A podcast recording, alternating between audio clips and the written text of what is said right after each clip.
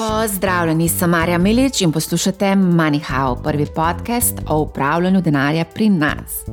Tokratna epizoda je bonus epizoda, bila sem namreč gostja na podkastu InBed, ki ga ustvarja Klara Leben. Pogovarjali smo se o tem, kako do prve nepremičnine. Mislim, da bi epizoda lahko bila zanimiva tudi za poslušalce Money How, zato v celoti objavljam epizodo, ki jo je pripravila Klara Leban. Uživajte v poslušanju.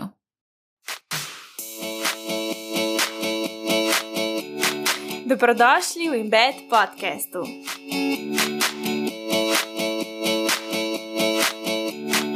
Treba je biti aktiven, treba se je zanimati za stvari, ker nihče ti ne bo na srebrnem pladnju prinesel, evo, tukaj imaš stanovanje. Pančki te ne bo nikoli vprašal, potem ko ti plačaš kredit in ostale obveznosti, kako živiš. Živijo in lepo zdrav sem skupaj, moje ime je Klara in sem vaša gostiteljica. Dobrodošli na Embed podcastu, vsi tisti, ki ste danes prvič tukaj in pa vsi tisti, ki se vsak teden vračate. Danes nas čaka ena res, res, res aktualna tema, bi lahko rekla, v mojem svetu in verjamem, da še od marsikoga drugega, ker je to eden največjih, verjetno finančnih korakov, odgovornosti, ki jih bomo prevzeli v svojem življenju in to je nakup nepremičnine. Trg je nor za tiste, ki spremljate tudi ne samo nakup, ampak tudi za najem. In o tem bomo tudi govorili z današnjo gostjo, Marijo Milič. Jaz verjamem, da tisti, ki ste že. Um, kar nekaj časa poslušalci in bed podcasta ste že poslušali nekako o higieni osebnih financ in kje začeti. Sva posnela to prvo epizodo in danes sva se dotaknila še malo nepremičnin, ker, ker so menila, je to trenutno zelo aktualna tema tudi za me. In Marja Milične, ona je bivša urednica financ in jaz verjamem, da čistko po neki če mehan gledamo okoli sebe, je zelo malo žensk na vodilnih položajih, še vedno v primerjavi s procentom moških, in pa sploh v, se mi zdi, da v svetu financa. Ne. Slovenija. Pa mislim, da je to res Marja, ena redkih, ki si je zelo, sploh v zadnjem času, odkar ima tudi svoj podcast, Moneyhow, vsaj v mojih očeh, zgradila res eno tako veliko spoštovanje, hkrati hvaležnost, da deli kar se da nepristranske informacije in verjamem, da bo marsikomu, ki gre čist brezplačno, lahko poslušati Moneyhow podcast. Mislim, meni osebno je ogromno pomagala in hkrati verjamem, da tudi na dolgi rok spremenila življenje, ker finance, dobre finance, spremenjajo življenje, kvaliteto življenja. Vse to ja, velja, denar eh, ne kupi sreče, ne, in tako naprej. Ampak Iskreno, katera koli situacija težka v življenju je lažje čez njo iti, če imaš neko zaledje, finančno varnost, vsaj v tem smislu, da veš, kje si in kako naprej. Tako da danes bomo govorili še posebej o tematiki nepremičnin, o nakupu, oddaji, kakšni so sploh postopki, kje začeti, koliko denarja moraš imeti, neko, kaj, kaj se dogaja na trgu in marsikatero uporabno informacijo. Zdaj, jaz imam za vas tudi en tak ogromen posladek v smislu ene res, res dobre novice. Mene je Marja tam enkrat, se mi zdi, septembra, oktobra lansko leto kontaktirala, tako enkrat me je klicala, nisem bila sem jih na izletu z mojim Matevžem in meni Marja napiše, da ima eno idejo in nisem mogla čakati, sem jo kar poklicala in je rekla, da bi rada naredila delavnico kot o finančni pismenosti za ženske. In jaz sem bila tako, o moj bog, ja.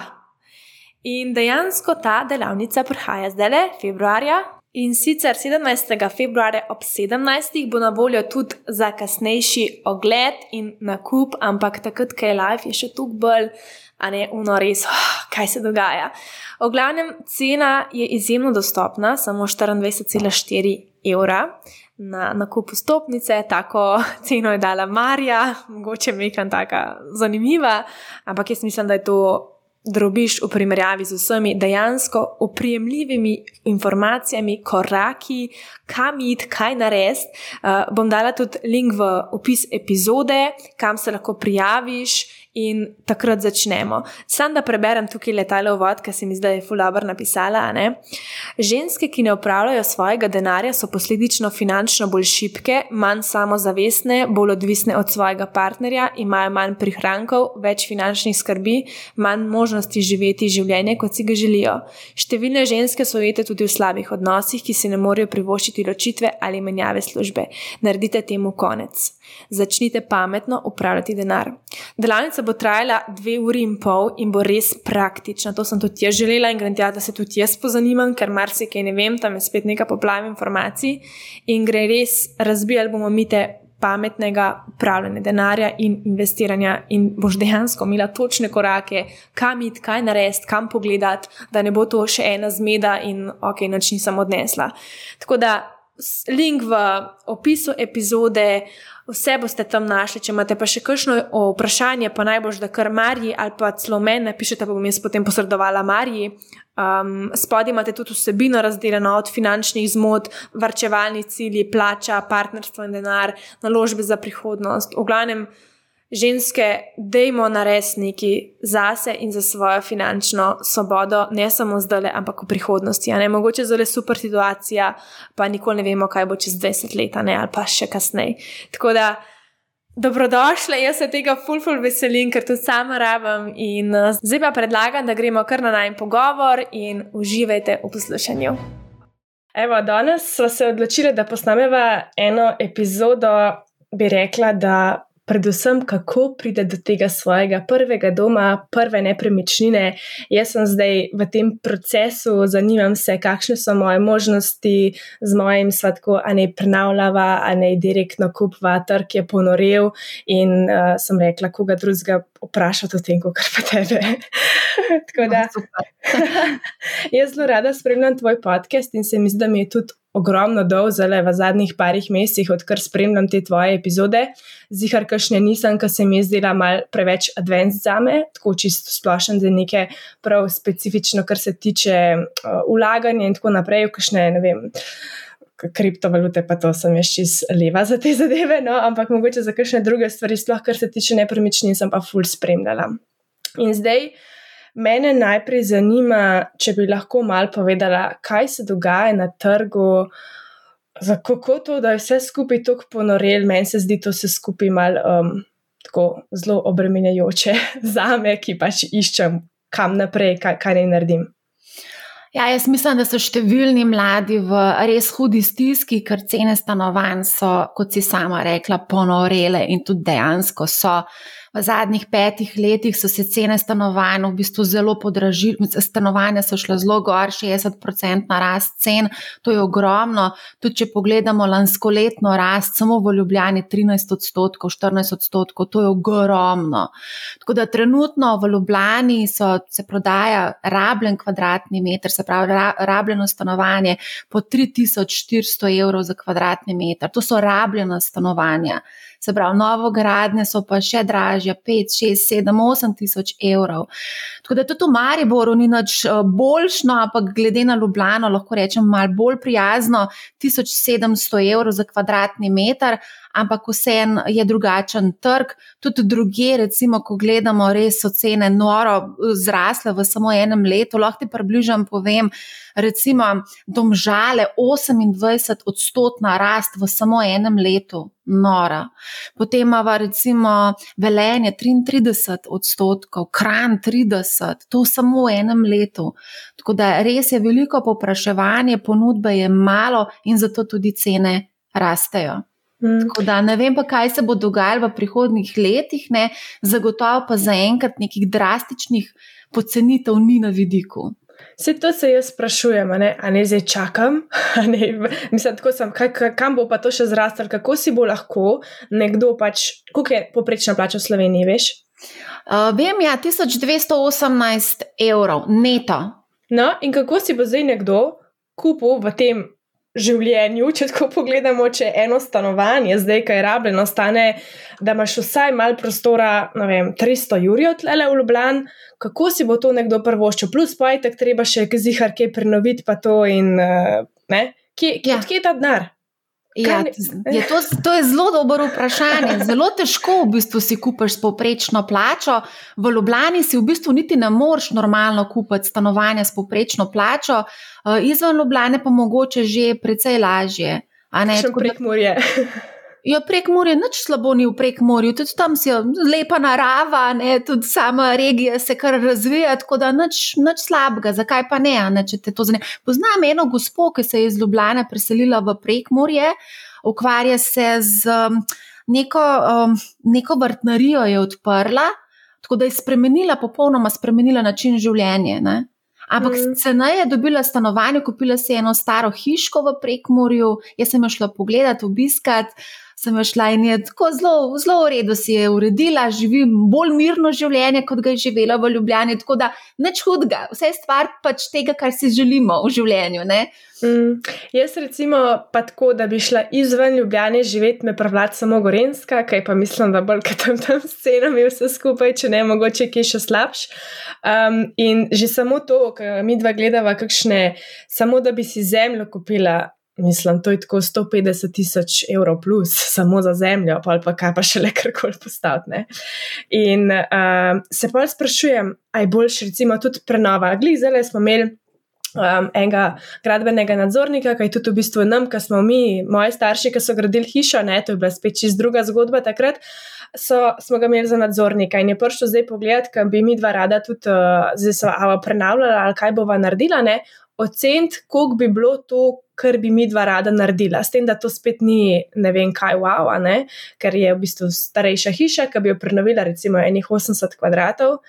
In cena, ki jo on rekel, je sem naredila, padla, ker to so tudi materijali, zelo dvakrat, trikrat dražji. In že v bistvu tisto, kar bi prej mogoče prišel s prenovo, brez, brez kakršnega koli pohištva, ne vem, 30-40 jurjev, je zdaj to 100 plus. Ja. Ja, vrtniške storitve, to je šlo vse gor, ne? tako da tudi treba je upoštevati 30-40% rast določenih storitev in materijalov. Ne? Tudi, ko boš recimo kupovala kuhinjo, boš verjetno čakala kar dolg časa na to kuhno ali pa kakšne, ne vem, pipe ali pa karkoli, se ti zna zgoditi, da se to zavleče za več mesecev. Mm. Da ni več tako enostavno, kot je bilo mogoče včasih. Ne? Ja, točno tako. Ne? In začeti spogledati nazaj, ko so moji starši to gradili, pa takrat, kakšen bo takrat življenje. Ne? V bistvu takrat, ko si ti dobil redno službo, zaposlitev, si se poročil, takrat je šlo pač življenje, se mi zdi malo bolj tako predvidljivo, kako bi rekel. Uh, in so pač se zakreditirali tisto, drugače so šparali najprej, pa so se zakreditirali in zgradili hišo, medtem ko se niso verjetno niti približali toliko zakreditirati, kot se moraš danes, če hočeš nek mehen dvojček kupiti. Ampak si zelo lepo povedala, so šparali, potem so se pa zakreditirali. So šparali, potem so se pa zakreditirali. Ti, če hočeš danes kredit vzeti, ti moraš imeti 20 odstotkov lastnih sredstev. Zdaj pa cene stanovanj rastejo. Zdaj pa računaj, ne, tudi več prihrankov moraš imeti. Recimo, če ti hočeš kupiti stanovanje vem, za 300 tisoč evrov, potrebuješ imeti koliko 50 tisoč evrov lastnih sredstev. Kje boš dobil ta denar? Nekdo je mogel ali ti, ali tvoji starši, je mogel to vrčevati v preteklosti, za tebe, za ta cilj. Ne? Tako da to je treba vse upoštevati. Ne? Tako da dejstvo je, da danes, če hočeš kupiti stanovanja, potrebuješ imeti. Uh, se pravi, lastna sredstva, prihranke, potem potrebuješ tudi, seveda, zaposlitev, redno zaposlitev, ker banka vedno ocenjuje tveganje, koliko si ti tvegana stranka. In seveda, nekdo, ki ima zaposlitev za nedoločen, oziroma za določen čas, je bistveno bolj tvegana kot za nedoločen čas. Potem je pomembno, katera panoga, ne? niso vse panoge enako uh, ovrednotene. Tako da vse te stvari ba bančniki ukalkulirajo in ocenjujejo tveganja. Tako da ni tako enostavno, kot mogoče je bilo včasih, ne vem. Ampak ja, je, je treba razmišljati o teh stvarih že zelo zgodaj. Lahko ti mm. povem, da sem bila na gimnaziji, na eni gimnaziji sem predavala o osebnih financah.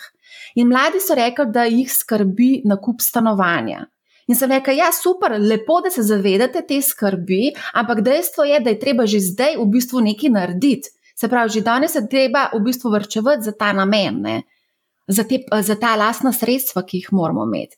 Tako da ja, Lepo si povedala, najprej vrčevanje, potem pa kredit. Ja, danes je tudi, se mi zdi, nasplošno tako potrošništvo, kot takrat pred 20 leti, ne sploh ni bilo toliko ene izbire, sploh tudi če bhatu, si zelo težko. Se pač še takrat sem spomnil, ker mi moja da starša povesta, so švrtli še takrat z Italije, kaj ne, pač to ni bilo kar uno, zdaj pa dobimo vse, kar hočemo. In ker sta ona gradila hišo, vse nisi imel, ne vem, toliko izbire, danes imaš ti samo za parket tako izbiro, da lahko šest mesecev samo o tem razmišljaš, če tako pogledaš. Takrat je pa le, oš tega, oš pa tega oziroma ne, zdaj pa ja. kar je. je ja, ja, več je izbire, ja, kar v bistvu fajn, ampak po drugi strani te pa to obremeni, ker imaš toliko odločitev za sprejem. Ja, ja, ja, ja, točno tako. No, jaz bi zdaj preden greva mogoče na kredite, pa kreditno sposobnost in tako naprej, kako financirati vse skupaj, uh, mehan tole, najem ali nakup. Ne? Zdaj, če dejansko sploh dobiš kredit, ne jaz kot SP vprašanje. In zdaj, kot najem, ali lahko ti sploh iz tega najema, kaj je so danes cene, recimo, jaz kar koli gledam, kar je meni všeč, če si iskreno, je tako. Tisoč evrov plus na mesec, pač, da je vsaj nekaj od tistega stanovanja, da nisi uno v Grsonjeri, recimo, tle le v Ljubljani v centru. Uh, in se sprašujem, če greš ti enkrat v najem, a sploh lahko prevrčuješ tok, recimo, če imaš ne vem, 1500 evrov uh, neto plače, da boš enkrat imel dovolj, da si boš kupil svojo nepremičnino. Ja, zdaj, če boš iskala stanovanje v centru Ljubljana, boš imela mal problem. Ne? Vedno je pač treba izhajati iz tega, kaj pač imamo. Zdaj, če si ne moreš privoščiti stanovanja v centru Ljubljana, zakaj bi šel čez svoje zmožnosti?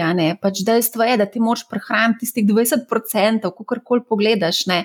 Tudi za nakup stanovanja se je treba imeti prihranke. Ni to tako, da zdaj pa nič ne rabaš imeti. Ja, lahko prihraniš, seveda, moraš biti discipliniran, kot si sama rekla, živimo v potrošniški družbi je treba seveda omejiti svoje nakupe, ne, ne biti impulziven, kalkulirati je treba stvari, planirati je treba stvari, pač čas je treba vzeti za to, da prideš do tega cilja, do prvega stanovanja. Ne? Kdo pa misli, da se bolj odloča za najem? Za koga bi bil najem bolj primeren kot nakup nepremičnine? Ja, jaz ti lahko povem, en moj prijatelj, ki ima zelo dobre dohodke, on ne bo v življenju kupil stanovanja. On je, v, on je najemnik, ker se ne mu zdi škoda, uh, kupiti stanovanje, ker pač ne vidi smisla v tem. Ne? Zdaj, kdo so najemniki? Najemniki so, po mojem, bolj tisti, ki nimajo teh privrčevanih lastnih sredstev, oziroma niso kreditno sposobni. In potem pač ne preostane, druge, ti ne preostane drugega, kot da um, najameš stanovanje.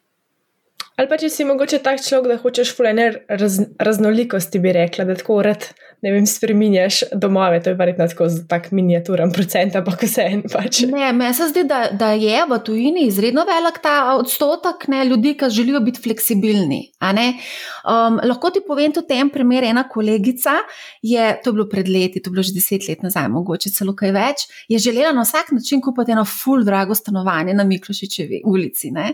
Res, majhna garsonjerica, luštka, jo, jaz sem se zaljubila v to stanovanje, mi je razlagala, ampak je bilo res drago stanovanje. In so rekli, da to res nima smisla, ker se boš zapufala za 20 let, plačevala ta kredit, ne boš nič od življenja imela, da je mal poišči še kakšna alternativa, zagotovo se boš zaljubila v eno drugo stanovanje. Tudi, uh, in je potem v bistvu je življenje malo drugače se je zapeljalo in sicer je dobila službo v tujini in je veliko lažje šla v tujino in zdaj je že v tujini že več kot deset let ne, in menja države, in se mi zdi, da je to ta fleksibilnost. Je prav prišla, ne, da če bi se ti vezala za 20-30 let, poročila dobesedno z eno banko, je potem malo težje, tudi psihološko težje. Če pa nimaš teh obveznosti, pa mogoče malo lažje. Mm. Kaj pa recimo, tako jaz zdaj, ko gledam nasploh eh, cene, ne, če se še enkrat kaj vrneva, se sprašujem, kaj se dejansko uh, uh, ne bolj splača, se to i tak polka pač malo poračunaš po vse skupaj. Ampak, a je to sploh realistično, da bo to obstal? Da, da taki, ja. Ali al misliš, da se bo enkrat to sam zlomil, ne vem, a za naslednjih. A bo kdaj to, kar je bilo recimo pri naših starših? Misliš, da bo kdaj spet to v narekovajih pocen zgraditi hišo? Po takih cenah, kot so naši starši gradili, pod, po, ne, ne verjamem v to. Drugače pa vse se dogaja, na, na nepremičninskem trgu se dogaja vse zelo počasno. Ne? Uh, ne pride kar naenkrat do upada cen, ne? to se ne bo zgodilo. Lahko pa se v nekem določenem obdobju Ja, vse lahko zgodi, ampak školiko stvari mora iti na robe, zato da pride do v bistvu padca cen nepremičnin v Sloveniji, ker je itak manjko stanovanj. Ne?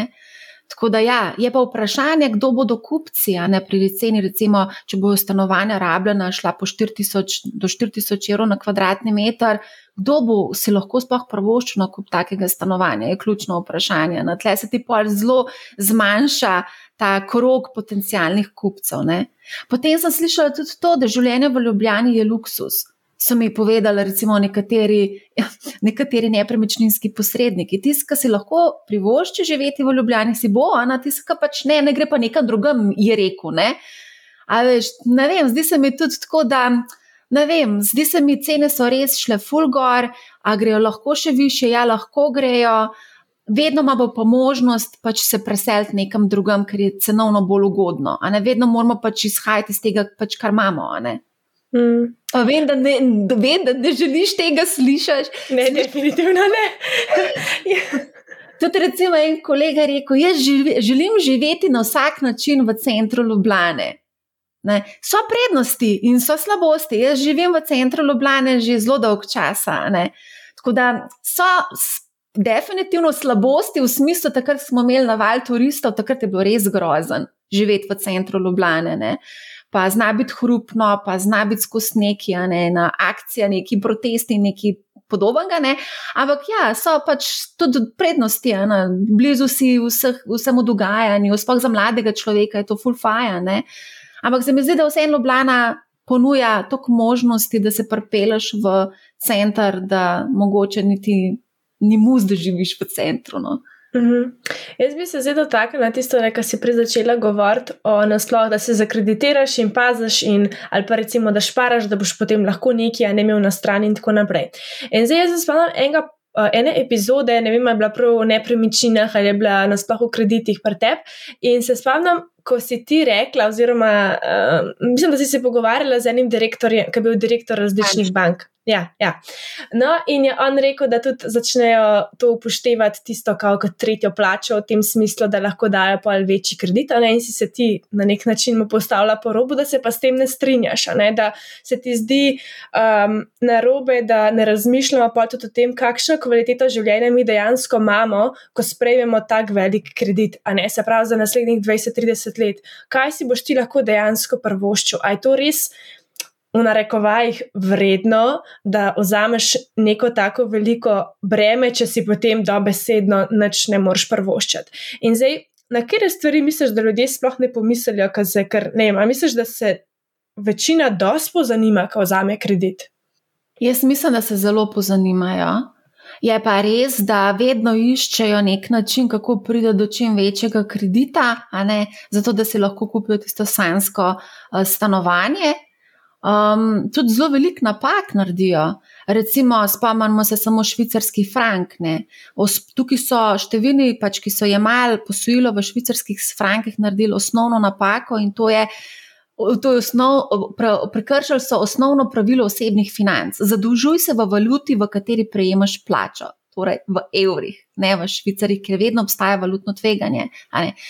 Um, ja, po mojem, tudi veliko krat naredijo napako, da se zadolžijo za prekratek čas, se pravi za kratko ročno, vzamejo desetletni kredit in potem se odpovedujejo vsemu, a na cel življenju, zato da čim prej odplačajo ta kredit. Recimo zdaj bi rekla, da je veliko bolj smiselno, da, vzam, da vzameš kredit s čim daljšo ročnostjo, ker je v bistvu relativno poceni zakaj bi se zdaj mogel na silo stisniti vse v deset let in potem noč imeti od življenja nepočitanc.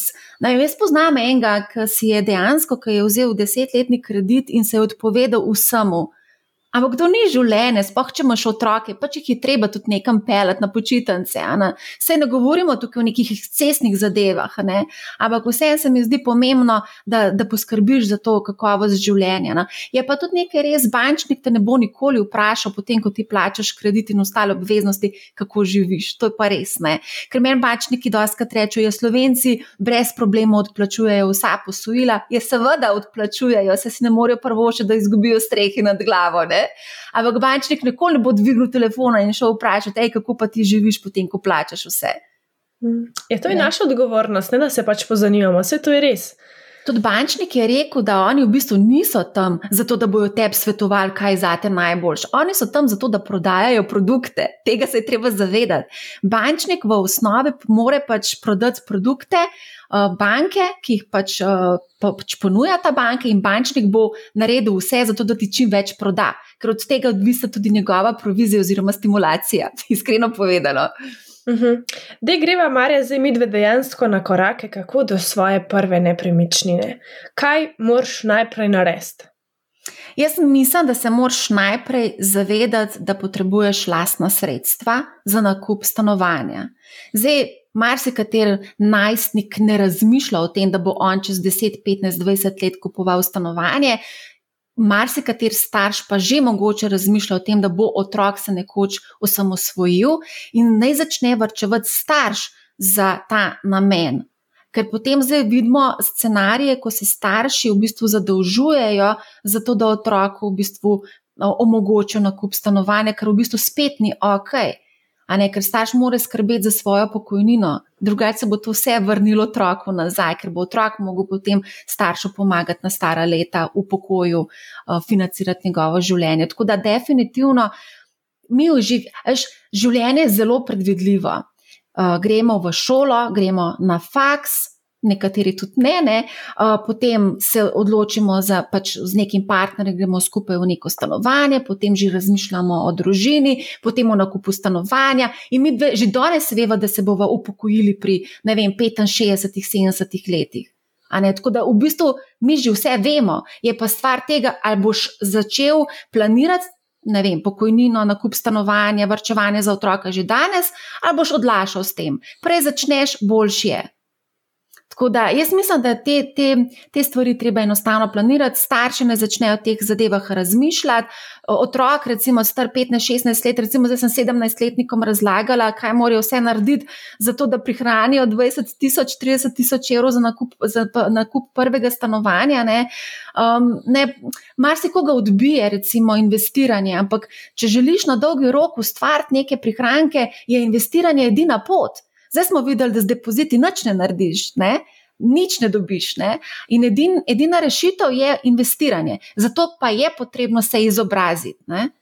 da, zato, da kupaš prave, prave naložbe ne? za pravi cilj.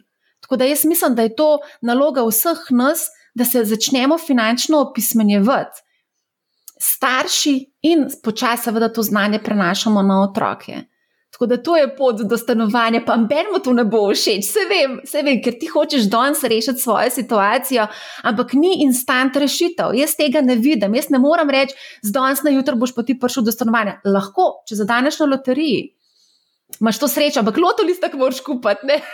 Ja, točno tako, ne biti proaktiven, ne, kar se tega tiče, da nisi kar tako, a zdaj se bom pa odločil, pa v bistvu noč nimam, pa vidiš, da moraš tudi še ene par let najprej šparati, preden se sploh lahko odseliš ali pa ne vem, pač nekaj. Ker recimo marsikdo pa nima staršev v tem smislu, da bi razmišljali vnaprej. In kaj bi recimo zdaj ti naredila, stara si 25 let in želiš priti do svoje nepremičnine, ne vem, verjetno, ne vem, kje sem prebrala, a, a, a je to čist nima, ne, ampak da večina uh, slovencev do 30 let nima niti. Tisoč ali dva tisoč evrov na banki, zdaj ne je to čist grešeno, ne vem, ne vem, kje je bil ta podatek. A je to res, a je, a je kaj na tem? Možen. Je čez možno. Ne vem, če na banki, jaz mislim, da večina mladih nima denarja na banki, ampak bolj v gotovini doma.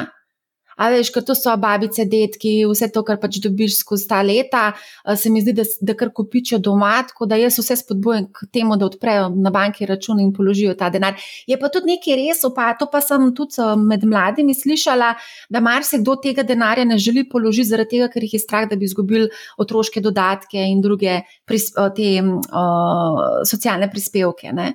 Ne prispevke, otroški dodatki in druge subvencije za malce in prevoze in podobno. Ja, ja. Da, le, če sem jaz 25 let stara in se hočem odseliti, ker pač nočem živeti 30. pa 35. leta pri starših, kaj lahko naredim? Nač, začnem proakti, biti proaktivna, se pravi, bodi proaktivna, išči rešitve. Dejstvo pa je tudi, da s partnerjem ponovadi kupujemo stanovanje, se pravi, je pomembno tudi, da se pogovarjamo s svojim partnerjem o tem, cilju, Ana, ali se želiš odseliti od doma. Ja, kaj bova naredila? Ja, nač greva aktivno iskati stanovanje, najprej za najem, pa bova potem aktivno iskala stanovanje, ko bova imela neke prihranke tudi za nakup. Skupaj bova vrčevala, zato da bova potem kupila stanovanje. Ne boš danes na jutr prišel do tega, to je dejstvo. Ampak se mi zdi izredno pomembno, da če imamo partnerje, da se o teh stvarih pogovarjamo. Pa veš, kaj se mi zdi pomembno? Da poskrbimo za svojo zaposljivost. Kaj to pomeni? To pomeni, da v bistvu. Um, Ne, da, da, da, da, iš, da, recimo, da v vsakem trenutku, v kakršni koli situaciji se znajdemo, lahko ostanemo brez službe, ampak da imamo neka znanja, neke veščine, uh, ki jih lahko, seveda, mogoče tudi prodamo. Um, ne, to je pomembno, da, da se znamo obrniti in da znamo poskrbeti za to, da imamo službo, za zaposljivost. Pa danes se mi tudi zdi, da bi bilo fajn, uh, ker imamo tale internet pa tako za nek dodaten zaslužek. Veš, to bi lahko eno epizodo o tem naredila, kako do dodatnega zaslužka, ne ideje ali pa nekaj tako. Jaz to rada gledam, sicer pač jaz niti ne razmišljam o tem smislu, ker pač se bolj posvečam uh, mojemu podjetju, a ne in tako nimam redne službe v tem smislu, da bi zdaj iskala kot nek dodaten zaslužek v tem smislu, ampak se mi zdi pa fajn, da če imaš ti, ne vem, 1400, 1500 evrov plače, pa si želiš še nekaj več, ne vem, dodatnih 100, 200, 300, 500 evrov na mesec, da pogledaš, kako pa jih lahko dobimo, ne kaj so moje možnosti. Jaz vem, da se veliko da nares tudi, če si, ne vem, varuška, jaz sem bila včasih varuška, pa si, le, tudi če je to, ne vem, kaj je z dodatnih dve uri na dan ali pa za vikende ali pa nekaj, ne, da prišparaš pa se splača, pa se nabere, pa je par sto evrov na mesec, ne, ali pa ne vem, da pri nas niti ni tako razvita, ampak zihar se najde, ne vem, sprehajalka psov. Ful enih stvari, ki lahko v tem smislu tudi proaktivno narediš, ne se vsak je mogoče en bo šel rajš raziskovati. Neke možnosti vlaganja, recimo, da si v tem dober, pa greš to gledati, en pa bolj iz ustvarjalnega vidika, kako lahko iz tega naredim nek dodaten zaslužek. Um, tako da jaz mislim, da je tudi tukaj res veliko možnosti, se mi pa zdi, da smo še vsem ful premalo izobraženi, kar se tiče. Kakšne so sploh naše opcije? In tako, ker uno neznano, skeri, se kar uno, ah, sploh se ne mislim tega dotikati, ker je tako uno. A veš, kaj mislim? Ja, ja, vem, seveda vem. Um, Mar se kdo v bistvu tudi nima poguma in raje živi v coni obdobja, zato nič ne naredi. Ne. Lažje je jamrati, kot pa nekaj delati, ne. to je dejstvo. Ja. Kar se pa tiče teh dodatnih zaslužkov, sem pa opazila, da številni v bistvu nekako želijo pasivne zaslužke in ne, v bistvu niti ne razumejo, kaj točno pasivno pomeni služenje. Recimo, kaj pomeni to? Ana? Recimo, da investiraš v neke delnice in potem dobiš dividende. To je pasivno. V bistvu si mogel samo v prvem koraku nekaj narediti, ne se pravi pravi, zbrati prave delnice in potem vsako leto dobivaš dividende. Tukaj lahko kar lepo, se mi zdi. Jaz dobivam kar le, lepe dividende na letni ravni, se ne pritožujem. Ne? In to mi predstavlja nek dodaten vir zaslužka, recimo temu tako. Sicer potem je pomembno, kaj narediš s tem denarjem, ali reinvestiraš. Dobro, to so zdaj že detajli. Drugače pa ja, jaz vedno mladim pravim, da ne izkoristijo svoje znanje in veščine za to, da to prodajo. Recimo, če si ti, če znaš dobro smučati, zakaj ne bi tega ponudil? Ne? Inštruktori smučanja so danes zelo dobro plačeni, preko študentskega servisa smo gledali, uh, kakšne so uh, urne postavke. Ne? Ali pa neka druga znanja, recimo, da znaš editirati videe. To tudi lahko ponudiš, da znaš delati na TikToku kratke videe. Zakaj ne bi ponudil tega? To podjetja zdaj zelo iščejo take kreativce. Ne? Tako da, ja, moraš biti pomečkam podjetniška duša, no? pa moraš se znati malo prodati, tudi po domače povedano. Ampak tle se pa zelo pogosto naletijo na težave, ker pač ne znajo postaviti cene, jim je nerodno, kaj si bo kdo mislil, gor, dol, levo, desno. Da, ja, je. Pa se to pa... se mi zdi, da je na začetku vedno. Jaz sem tako, tako joj, pa kakšno ceno ne dam, pa pa veš, da si dal res premehno, pa si tako fakt, zakaj nisem dal večje, pardon, moj, a ne ja. Ampak pa in tako, ok, pa popraviš, pa greš naprej, pa se nekaj druge zatakne, pa se pač iz tega naučiš in.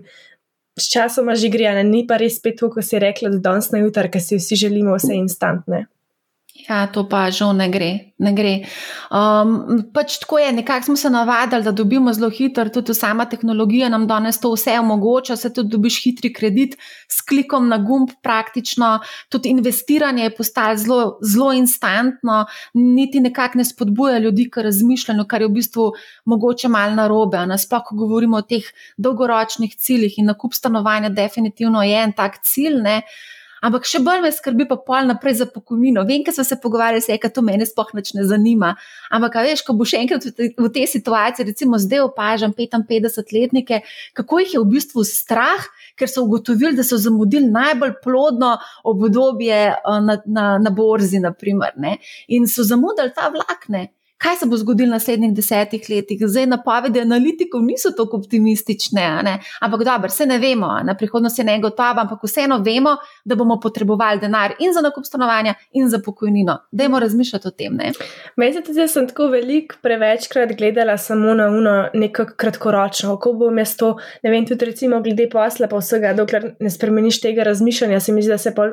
Ful hitro začnejo tudi v boljšo smer uh, odvijati stvari, ker ne gledaš samo, kako bom prišla čez mesec, ampak ok, kaj je celotna slika za eno leto, za pet let, za deset let, da nisi uno, samo uno za zelo, zelo, zelo, kaj se dogaja, ampak res pač širšo sliko. Recimo, jaz na pokojnino iskreno pač res zelo ne mislim, pač, ker se mi zdi še tako delo stran, pa vem, da bi bilo fajn. Ne? Ampak se mi zdi, da ko je toliko drugih aktualnih stvari za nasled, naslednjih deset let, pa mogoče na to, kar je pa isto, ful pomembna, kar mal pozabimo. Dobro, greva zdaj, tu lahko moja tematika za čisto en drug podcast, oziroma celotno epizodo, zdaj bi jaz šla naprej. Se pravi, dobro, zdaj jaz vrčujem, imam privrčevano, ne vem, neko vsoto, da imam lahko kot polog za mojo nepremičnino, po možnosti sem našla eno, ki mi je všeč in jo zdaj jaz hočem kupiti. Grem na banko, kaj pa zdaj tukaj? Imamo verjetno tole, če smo sploh kreditno sposobni. Kdo je kreditno sposoben in kdo ni?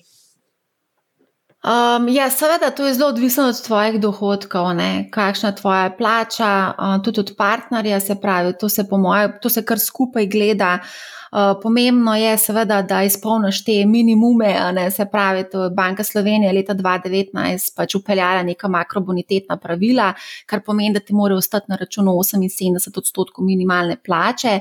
Minimalna plača se je zdaj že dvakrat dvignila, um, zdaj je že kar precej visoka, oziroma ne vem, zdaj če lahko rečem precej visoka, ker se bo mogoče kdo utaknil, da mogoče pa ni, ne. Ampak ja, približuje se v bistvu povprečni plači, če lahko tako rečem. Tako da, Um, kreditna sposobnost eh, se v bistvu zmanjšuje um, s tem, ko se viš, viša minimalna plača. Uh, po drugi strani je pa treba vedeti, da s tem, ko imamo otroke, se, začne, se je potrebno dodati še strošek vzdrževanja otroka, ki je lahko 200-300 evrov, odvisno od tega, imamo enega ali dva. Ne? Tako da pa hitro pridemo, da nam more na računu po plačilu vseh uh, obveznosti ostati 1000 evrov. Tako da tukaj marsikdo že naleti na prvo oviro, sploh če ima, ne vem, povprečno plačo. V smislu tekočega meseca. Ja, tisoč evrov ti mora na računu ostati. Dobrih tisoč evrov. Okay. Se, če imaš otroka, ne? Uh mhm. -huh. enega otroka. Zdaj, če imaš, kaj, če imaš ti 1500 evrov plače. Ja, le tukaj potem bančnik preračuna, si, oziroma zračuna, kakšen kredit lahko dobiš, za kakšen znesek, in je to to. In potem ugotoviš, da je znesek fulmajhan, in potem moraš iskati neke druge alternative. Ne? Sploh v Ljubljani naletiš zelo pogosto na ta problem. Ne? Ok, kaj pa recimo, če nimaš redne zaposlitve, če si SP ali pa imaš mogoče svoje podjetje, ne vem, DOO, pa imaš neko mehko zadevo, ne vem, pet zaposlenih. To pa bančniki naredijo skrben pregled, bom tako rekla, in ocenjujejo tveganja, koliko si ti tvegana stranka in ali si zaupanja vredna, oziroma ali boš bila sposobna vračati svoj dolg. Jaz mislim, da tukaj pogledajo tudi, v kateri panogi delaš, ne? ker to je pomembno. Zdaj, če ti delaš v zdravstvu, ne pa da si mogoče SP ali pa neki, ne vem, da si zdravnik, ne zdravniki ne bojo nikoli imeli nobenih problemov dobiti kredita, ne? ker pač. So tudi zelo težko uh, dobijo odpoved, oziroma izgubijo službo. Medtem, ko če si pa ti, recimo, neke SP, nek, ne vem, se ukvarjaš z nekimi lesarskimi izdelki, a je verjetno tukaj večje tveganje za banko in s tem v bistvu pač zelo majhna možnost je, da bi dobil kreditno. Uh mhm. -huh. A pa recimo, ne vem, tudi kakšni vrhunski športniki. V tem smislu, če se poškoduješ, je konc tvoje kariere, tukaj tudi recimo bolj tvegano. Zdaj, kar se vrhunskih športnikov tiče, oni so, večina je zaposlena v neki javni upravi oziroma na nekih ministrstvih za obrambo, za finance in ne vem, kje vse so zaposleni, tako da oni dobijo pač neko, imajo neko zaposlitev. Uh, kar se pa tiče, če so res vrhunski športniki, je za njih izrednega pomena, da se ustrezno zavarujejo za primerne zgode. Tako da to je ključno pri vrhunskih športnikih, ker če oni izgubijo zmožnost tekmovanja, nastopanja, um, potem so kar zaključili s kariero in pač enostavno je treba poskrbeti za, tudi za to plat. Poznam enkrat, enkrat so mi na zavarovalnici razlagali za en primer športnika. Um, pač enostavno morajo se zavarovati, recimo noge, roke, eh, ki so ključni pri določenih športih, zato da če pride res do neke nezgode, da lahko nadomesti izpad prihodkov. Mhm. Ampak jaz mislim, da je nezgodno zavarovanje itak pomembno za vse nas. Tako da na to je treba zelo fajn uh, razmisliti, uh, za kakšno zavarovalno soto se bomo zavarovali. Tudi, recimo, ko boš imela stanovansko posojilo, je pomembno, uh, sploh če boš imela družino ali pa da bo nekdo odvisen od tvojih dohodkov, da se življensko zavarujemo, se pravi, za primer smrti, riziko življensko zavarovanje se temu reče. In pa, recimo, poleg kredita, plačuješ še zavarovanje za ta kredit. Ja, zaradi tega, ker je življenje nepredvidljivo, ne veš, mogoče se ti zgodi neka nesreča, boh ne da, ne, ampak se dogaja in potem kredit pade na enega partnerja, ki zelo težko lahko shendla ta kredit. Ne, zato v bistvu je fajn, da se zavaruje ta življensko za primer smrti. A pa recimo tudi jaz vedno pravim, da je edino eno najbolj pomembnih zavarovanje, nezgodno zavarovanje, ker tebi se lahko zgodi marsikaj, lahko postaneš invalid. To, kar ti lahko povem, en moj kolega je postal invalid, pa mislim, da 25-26 let, je bil star, je tetraplegik, kar pomeni, da eh, nič ne more premikati, samo malo roko premika. Uh, no, in recimo ta človek ima pred sabo še celo življenje. Tako da ključno je, da pač ima neko dobro, kakovostno, nezgodno zavarovanje, zato da lahko financira svoj life, ker ne bo zaposljiv. Ne? Tako da so, to so ful pomembne stvari, ko se ti odločiš za en tak korak. Ne? Se pravi, uh, za stanovansko posojilo je fajn, da imaš dobro življensko zavarovanje za primer smrti, da si dobro nezgodno zavarovan, ker ne veš, kaj se ti zgodi. Tudi za hude bolezni, recimo, so zelo pogosti neki scenariji. Čeprav mi smo mladi in razmišljamo, da se nič hudega ne more zgoditi, ampak le, so tudi primeri, ki se zgodi in ne moreš v bistvu gambljati. Uh, sploh, če imaš otroke, je tudi na te stvari potrebno razmišljati. Ne. Potem pa seveda ključno je pa tudi potem vrčevanje, zdaj se ti tebi v glavu sešteva. Ja, ja, ja. Kredit, pa, pa ta premija, pa vse, pa vse. Ja, ja, ja. Kot to je. Ja. Ja. Ja. Pa jaz sem zraven še vse stroške, ki jih prenese podjetje, ne pa je tako pač, ko delaš sam, nikoli ne veš, kako je kakšen mesec, kakšen mesec se eksplodira, drug mesec je tako, ok, pač navaden, tretji mesec si mogoče, mm, kaj se dogaja in pa spet eksplodira, a ne pač ni uno, zdaj pa jaz vsak mesec tokle plače in tok si lahko prvoščam. Tako da je res odvisno po moje, kako kakšno delo upravljaš, uh, tudi mogoče viz, vizija naprej za življenje. Tudi to se mi zdi, da, da, da je fulp pomemben imeti, ne? kakšno življenje si ti predstavljaš. Recimo, nekdo bo v mestu užival, drug bo totalna muka. Ne? En bo šel lahko pa prek Murje, pa živel še milijonkrat boljš kot v Ljubljani, drug mu se bo mešal, kaj tam srednji česar. Ne?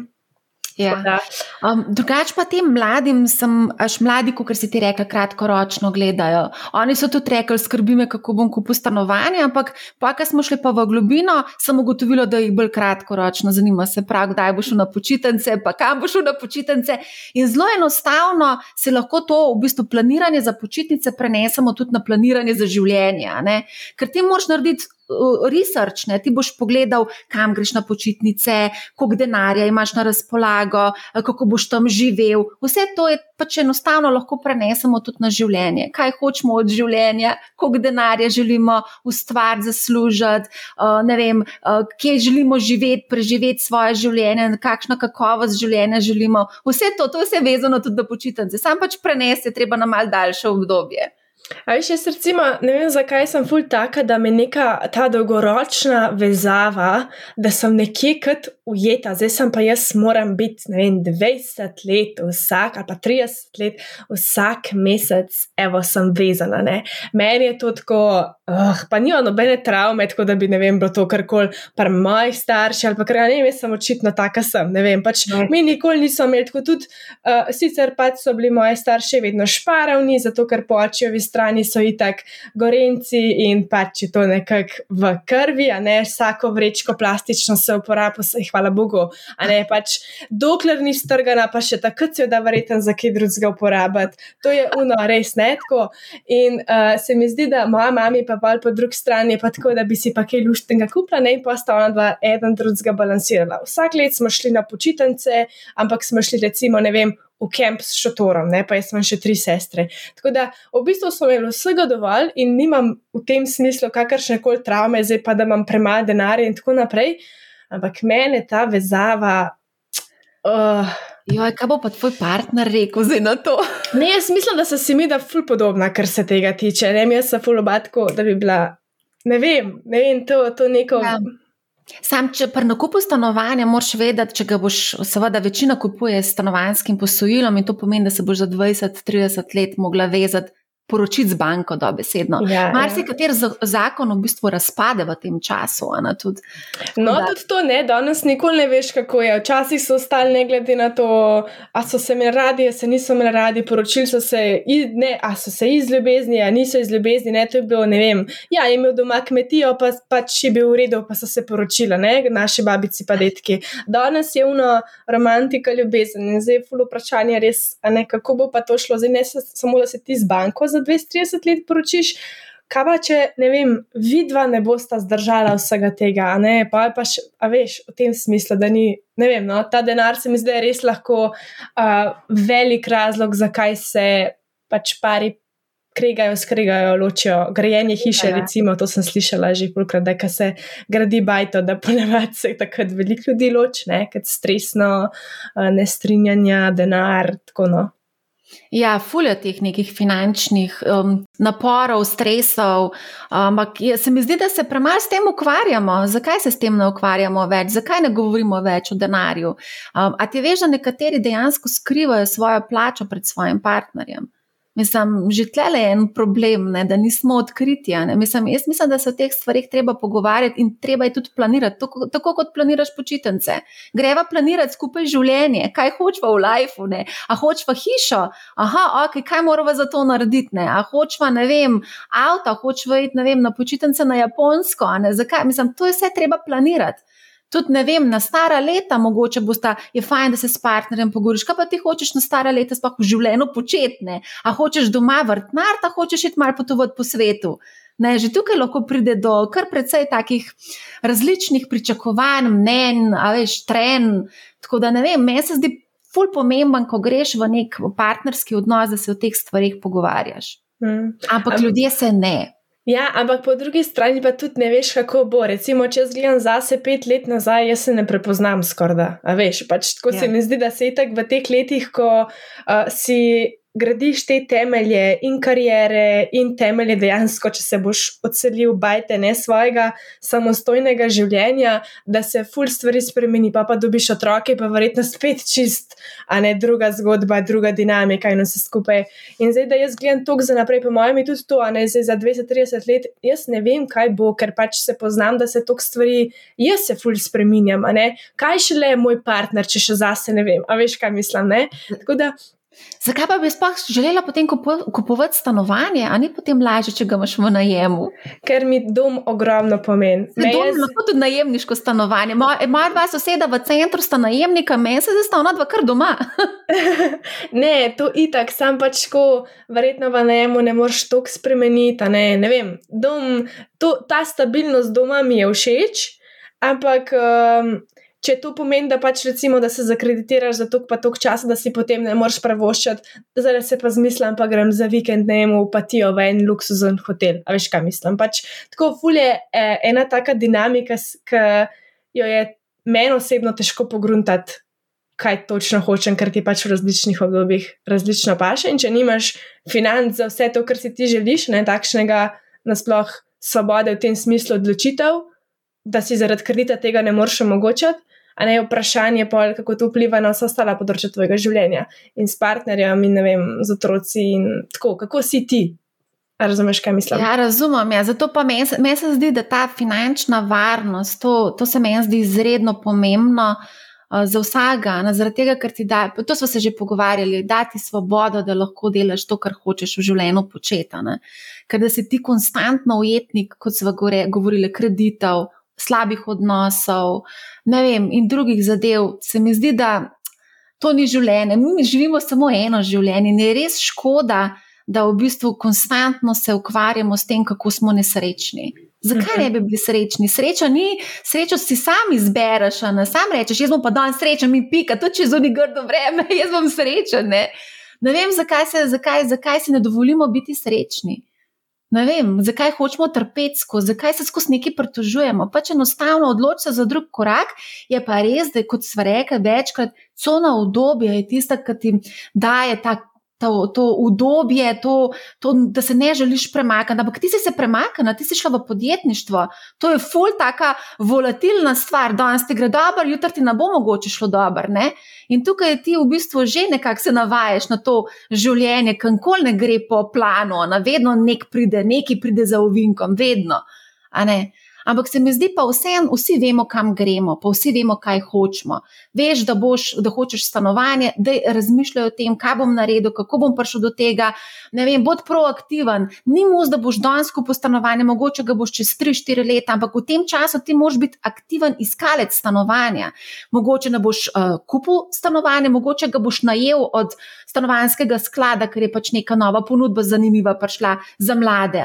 Mislim, A veš, treba je biti aktiven, treba se je zanimati za stvari, ker nihče ti ne bo na srebrnem pladnju prinesel, evo, Klara, tukaj imaš stanovanje, tako kot si, si, si ga zaželela. Ne? Tako da ne vem. Zdi se mi to, da nekako ljudje sedijo in čakajo, da jim kar pade neki. In to, da mladi ostajajo doma, uh, ne vem, stari 30-35 let, zdi se mi, da tak mlad človek bi mogel biti bolj aktiven. No? Um, vse vem, da je težko, pa vem, da mogoče marsikdo si ne more pravoščati najmnine, ampak lej, cel svet je naša opcija danes. Tud, recimo, danes, ko gledava uh, trg dela, danes imamo praktično probleme, delodajalci imajo probleme dobiti zaposlene. Tako da je možnost, imaš možnosti. Tudi, recimo, ko gledaš prek LinkedIn, delodajalci z celega sveta te napadajo, lahko, če si zanimiv kader. Ne? Tako da ne se omejevati. Kaj bi pa recimo tako čist osebno, brez nekih, mislim, da imaš strokovno to zraven in svoje znanje, ampak kaj bi ti naredila? Bi bila zelo najemnica ali bi kupila, če bi imela recimo prešparen, ne vem, 40 tisoč evrov? Če bi imela 40 tisoč evrov privrčevanja, kaj bi naredila pri teh cenah? Ja, obrestne mere so do, dokaj ugodne, verjetno bi kupila, če bi mi bilo stanovanje všeč. Ja, ampak seveda, pač potrebno je pogledati, loka lokacija je ključnega pomena.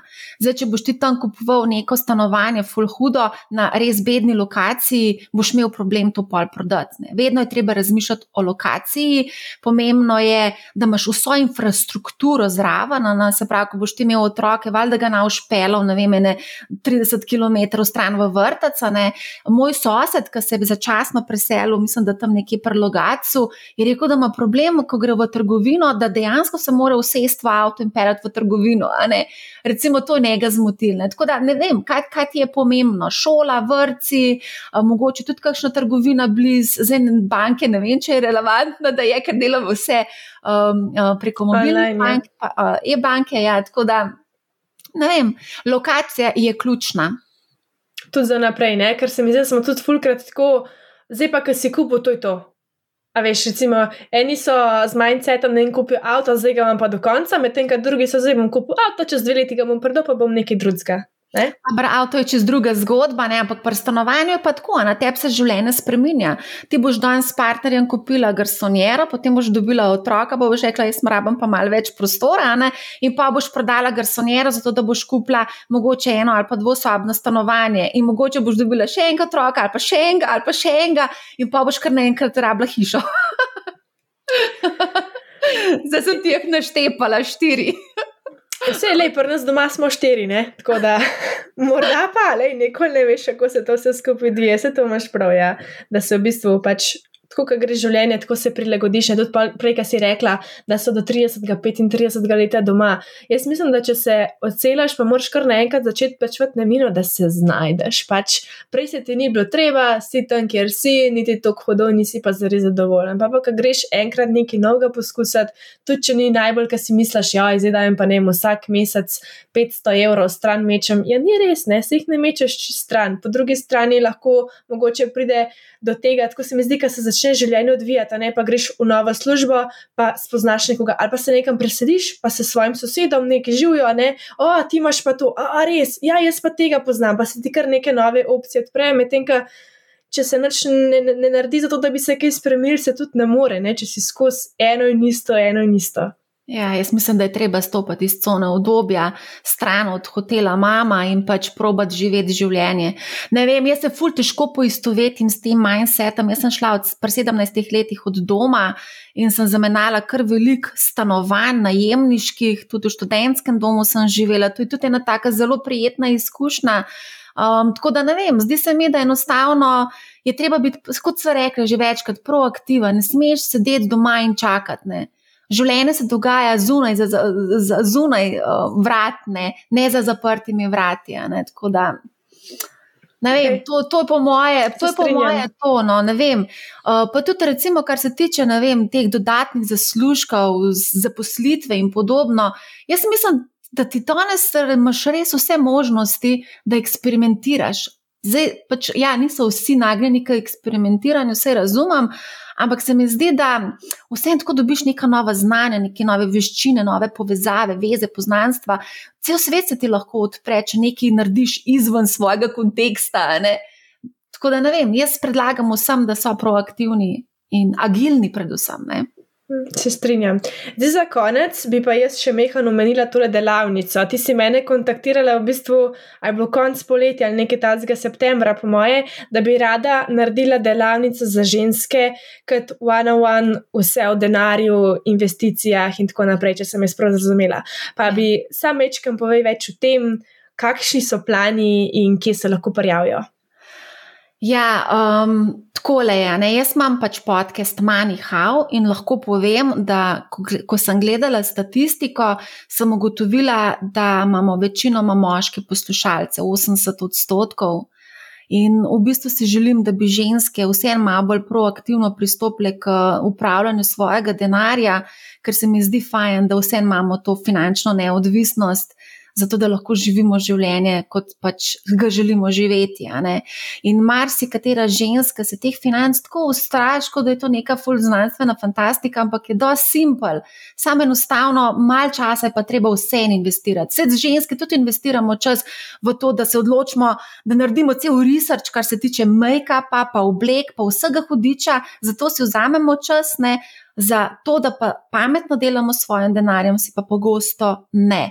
In vidim, recimo, spah pri teh ženskah v srednjih letih, marsikatera pade v kar hudo, hude težave, tudi v depresijo, ko se zgodijo kakšne nepričakovane situacije, recimo ločitve, kako so v bistvu zbegane in kako se nas znajdejo. In meni je to tako škoda, ker v bistvu stvar je zelo simpel, samo pač mečken, mečken rabaš, ne, da, da, da, da usvojiš te osnove. Zato sem v bistvu te kontaktirala, ker sem želela s tabo to narediti. Se mi zdi, da ti tudi, tudi sama si reka, da kot podjetnica si začela spoznavati ta svet financ in se mi zdi, da je to lahko en tak dober miks. No. pa tudi tako iskreno, če jaz ne bi šla na to svojo samostojno pot, vprašanje, če se bi začela zanimati za finance in bi mi bilo žal, če se ne bi, no zdaj, kaj gledam za nazaj. Sej tudi jaz. Praktično noč ne vem, če tako pogledam, ne pač poslušam podcaste, me pa še vse. Pa ne strah, ampak dejansko ne vem, kam, kam pogledati. Tukaj, recimo, primer, če tukaj enih uh, vlaganje v sklade, pa imaš pa tega ponudnika, pa unga ponudnika in si čez zmešam, ka, kaj naj naredim. Pač, ne?